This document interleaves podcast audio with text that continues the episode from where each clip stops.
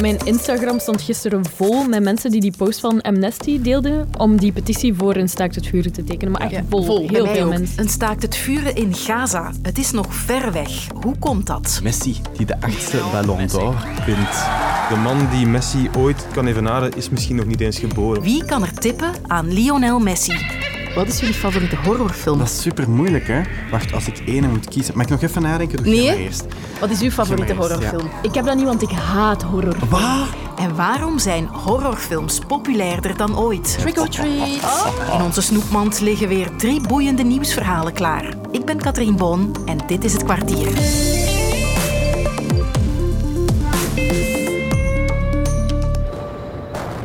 Ik ben het even gaan tellen. We zijn vandaag dag 25 van de oorlog tussen Israël en Hamas.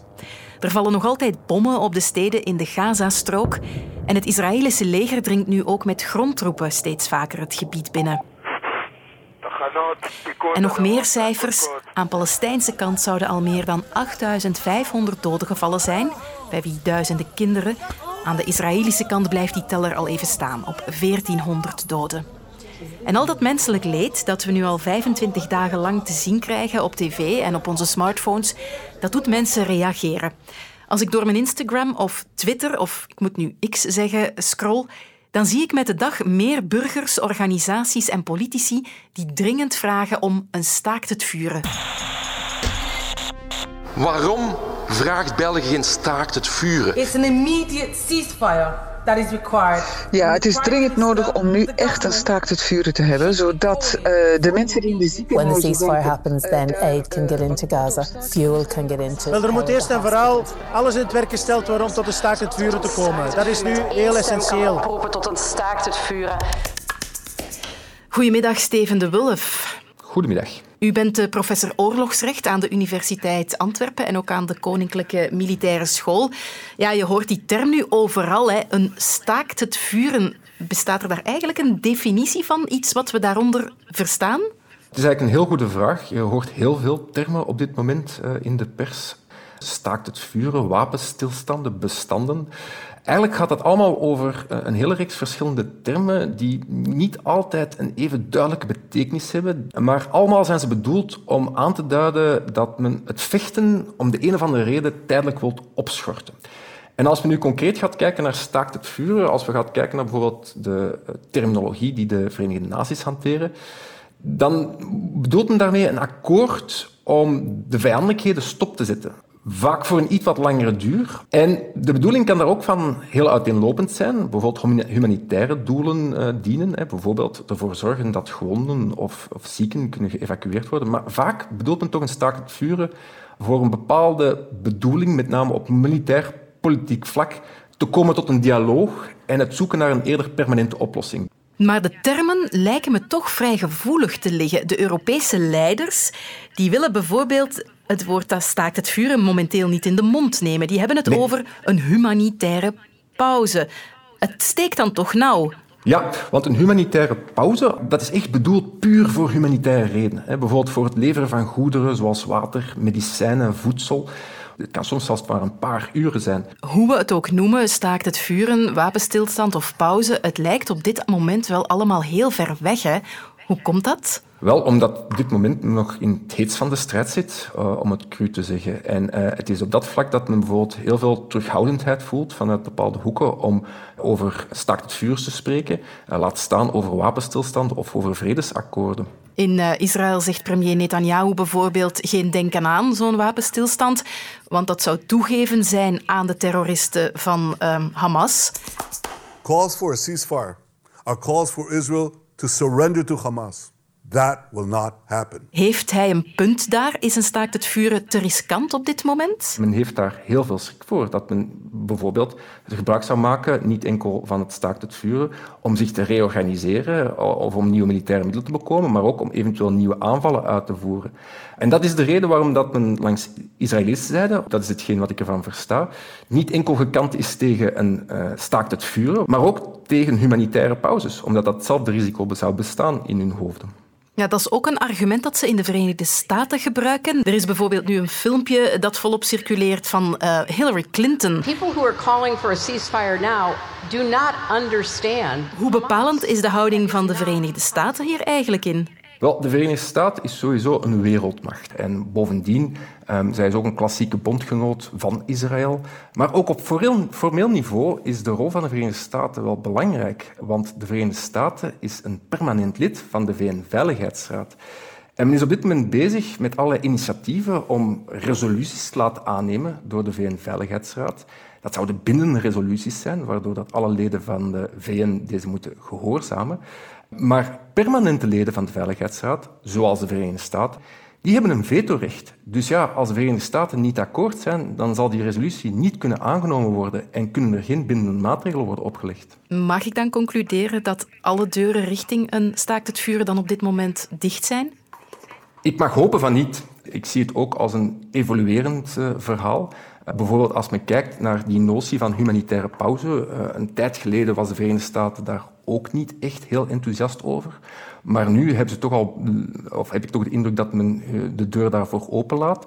Dus laat ons hopen dat zo snel mogelijk toch ook in dit conflict de vijandelijkheden minstens tijdelijk worden opgeschort, maar ook hopelijk zo snel mogelijk tot een definitief einde komen. En ik ga dat hopen met u, Steven de Wulf. Dank je wel. Graag gedaan. The 2023 Ballon d'Or France football footballer is Lionel Messi. Ik hoop dat er nog plaats vrij is op de kast van Lionel Messi, want gisteravond heeft hij voor de achtste keer een Ballon d'Or gekregen. En dat betekent zoveel als hij is opnieuw verkozen tot beste voetballer ter wereld. Quiero compartir y agradecer obviamente a mi, a mi familia, la que está en Argentina, en Miami. Messi zegt dat hij heel dankbaar is, maar ook dat die achtste gouden bal wellicht de laatste zal zijn. Ik zie dan in de verte al het einde van een tijdperk opdoemen en ik vraag mij af, wat nu? Staat er iemand klaar om die fakkel van Messi over te nemen? Een troonsopvolger, zeg maar. Of laat Messi binnenkort een gapende leegte na in voetballand? Ik ben zelf waarschijnlijk niet de beste voetbalscout, dus ik heb hier vanmiddag even een voetbalcafé geopend. Is het voor het kwartier of voor de Sportza-podcast? Nee, het is kwartier. Ah, oké, ja, ik was niet mee, sorry. Met voetbalfriks van dienst, journaalanker Xavier Taverne, Sportza-collega Olivier de Wilde en buitenlandjournalist Steven de Kranen. Hoi, goedemiddag uh, iedereen. Goedemiddag. Hallo, goedemiddag. Wie wil er van wal steken?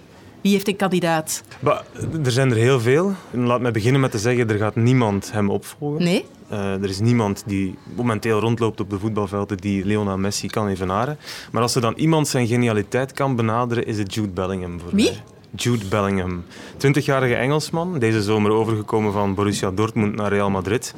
En is daar als een komeet ontploft. Heeft een soort van genialiteit, vlotheid, vloeiendheid in zijn spel die dan nog te vergelijken moet zijn met Lionel Messi. Een, ja, de bal is zijn vriend, hè. de bal kleeft aan zijn voet. En alles wat er vertrekt vanuit zijn voet zal wel resultaat opleveren. Kan je mij iets laten zien van hem?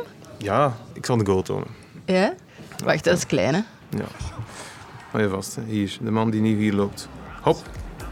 En dan in één beweging Works it well.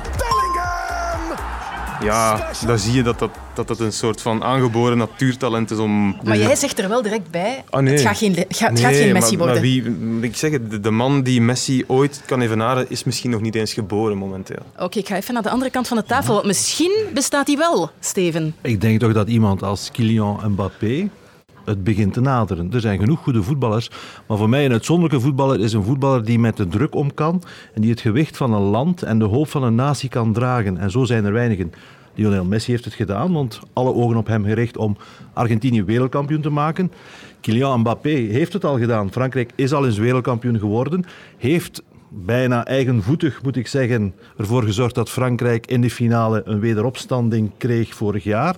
Oké, Frankrijk verliest, maar Mbappé heeft daar bewezen dat hij een groot voetballer is. Maar ik denk dat het iemand is die het gewicht van een natie kan torsen en die meer is dan een voetballer. Xavier, jij zal eh, hoog moeten mikken om hier nog over te gaan. Je moet altijd hoog mikken hè, als je een betoog moet doen naast Steven de Kranen. Dus lastig. Ik zie voor mezelf dan iemand voor de toekomst die eigenlijk ook van Borussia Dortmund komt. Een zomer geleden, juli 22. En dat is Erling Haaland. Eh, Erling Haaland is in heel veel opzichten een Noorse god. Hè, letterlijk en figuurlijk. Uh, speelt ook voor die Noorse nationale ploeg. Speelt evenveel wedstrijden als hij scoort. Een beetje hetzelfde verhaal als Bellingham. Maar wat voor mij daar ook aan klopt, is je kan daar ook niet naast kijken. Dat is iemand die het veld opkomt. Dat is een, een, een reus die Um, als je op dat veld komt, en ik kan me voorstellen als je met hem in een ploeg speelt, dat je luistert. Omdat je een beetje bang bent ook van uh, Haaland, denk ik. Hmm. Dus in heel veel heeft hij de morfologie ja, van een Noorse god. En ik herinner mij een moment waarop hij voor het eerst met Kevin De Bruyne ging samenspelen. En dan had je twee blonde jongens, van mannen, die daar de dienst uit maakten, die meteen op elkaar waren ingespeeld. En die hadden elkaar meteen gevonden. Haaland heeft ook twee keer gescoord. To Manchester, Erling Haaland.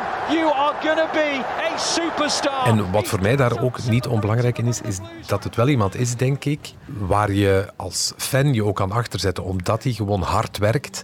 Dat is in de eerste plaats iemand die echt niet te beroerd is om zich vuil te maken, om uh, te worstelen op het veld. Om het is een goede jongen. Dicht, ik weet niet of het een goede jongen is, daarvoor ken ik hem niet te goed, maar het is wel, en dat hebben wij natuurlijk graag, enfin wij, hè, dan kijk ik vooral naar Vlamingen, we hebben graag iemand die hard werkt om ergens te komen. En zo'n Haaland is wel zo. Terwijl ik dat bijvoorbeeld niet heb bij een Mbappé. Oké, we zien elkaar over een jaar voor de volgende Ballon d'Or. En gaan we eens kijken wie er gelijk had.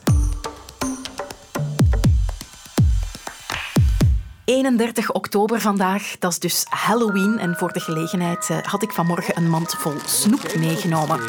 Mijn collega's die zien dat altijd graag gebeuren. Maar voor wat hoort wat, mijn snoep in ruil voor hun favoriete horrorfilm. Goh, favoriet is veel gezegd, maar mijn man heeft mij ooit meegenomen naar Saw. Ik denk dat dat gewoon een goede truc was, want het was een van onze eerste dates om mij gewoon heel dicht tegen zich aan te kunnen trekken.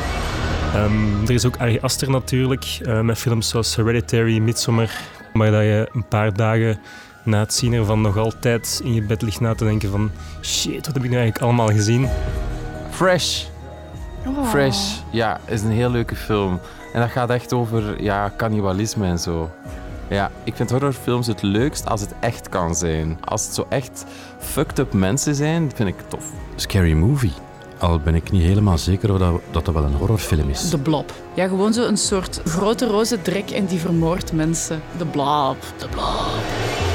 En de VRT-collega's zijn niet de enige enthousiastelingen, want horrorfilms die blijken populairder dan ooit. Lieven van Gils, de filmkenner hier op de redactie, die is voor mij in de cijfers gedoken. Ja, dat uh, blijkt uit gegevens van de film- en televisiedatabank IMDb. Van de 16.524 films die dit jaar zijn uitgebracht, zijn er maar liefst 1435 horrorfilms. Als je even uitrekent, dat is 9% van het totale aantal. Dat is waanzinnig en dat is ook een record. Het komt erop neer dat de, de laatste twee decennia het aantal griezelfilms verdubbeld is. Dat is toch wat. Als je nu naar de bioscoop loopt, dan kan je kiezen. Het is natuurlijk de tijd van het jaar. Maar je kan naar uh, Saw 10 gaan kijken. Dat is al de tiende in de reeks over de fictieve seriemoordenaar uh, John Kramer. Of naar het vervolg op The Nun. En, en ook, en dat is toch wel veelzeggend, naar The Exorcist 2. Believer. Origineel is uit 1973, dus dat is 50 jaar geleden. Dat was toen een game changer, een, eh, een classic. Daar moest eens een vervolg op komen. Wel ja, nu is de tijd blijkbaar helemaal rijp. Maar hoe komt dat dan? Voor antwoorden kan ik aankloppen bij Dimitri Goossens. Hij doseert kunstfilosofie aan het Conservatorium in Antwerpen en ik mag hem ook horrorspecialist noemen. De laatste jaren zien we internationaal natuurlijk een groeiende instabiliteit. Hoe meer wij beelden binnenkrijgen van terreur, beelden van dood en kwetsbaarheid, hoe meer die kwetsbaarheid voor onze neus gaat gehouden worden en hoe meer denk ik dat we films gaan maken waar we er op een of andere manier mee proberen omgaan. Het voordeel dat horror ervan biedt, is dat het ons vanuit een veilige positie laat omgaan met die zaak. En dat is eigenlijk wat kunst en cultuur altijd doet. En op die manier raakt dat wel een beetje aan de thematiek van het sublieme uit de 19e-eeuwse kunst. De ervaring van het sublieme was een ervaring van iets angstaanjagends, overweldigends, dat ons potentieel zou kunnen vernietigen. Maar het bleef een esthetische ervaring omdat we vanuit een veilige positie daarmee om konden gaan. En de romantici schilderden gigantische stormen op zee, grote uh, sterrenhemels of alpenmassieven. dat waren allemaal manieren van de romantiek om eigenlijk die, dat, dat, dat sublieme te beleven. Dus je zou eigenlijk kunnen zeggen dat als we vandaag de dag naar horrorfilms kijken vanuit de veilige positie, vanuit onze cinemazetel, zijn we eigenlijk ook een soort ervaring van het sublieme aan het hebben. We zijn een ervaring aan het hebben van die dood die op meer of minder gewelddadige wijze ons potentieel kan vernietigen, maar zelf zijn we nog veilig. En ik denk dat dat voor een groot stuk verklaart, zeker in een samenleving waarin dat de dood meer en meer weggeduwd wordt en iets is dat gebeurt in een afgelegen kamer, hoekje in een ziekenhuis. Met dat taboe en gekoppeld aan onze mogelijkheid om op een sublieme manier eigenlijk die dood te ervaren, dat dat een mix is die heel hard de populariteit van horror vandaag verklaart. Morgen is er geen kwartier, dus ik kan straks de hele nacht doorgriezelen. Donderdag ben ik er weer. Tot dan. Wat is echt en wat niet? En hoe kom je dit te weten? Duik mee in het Uur van de Waarheid, een podcast over de wereld van nepnieuws en online bedrog, samen met factcheckers en experten. Nu in de app van VRT Nieuws.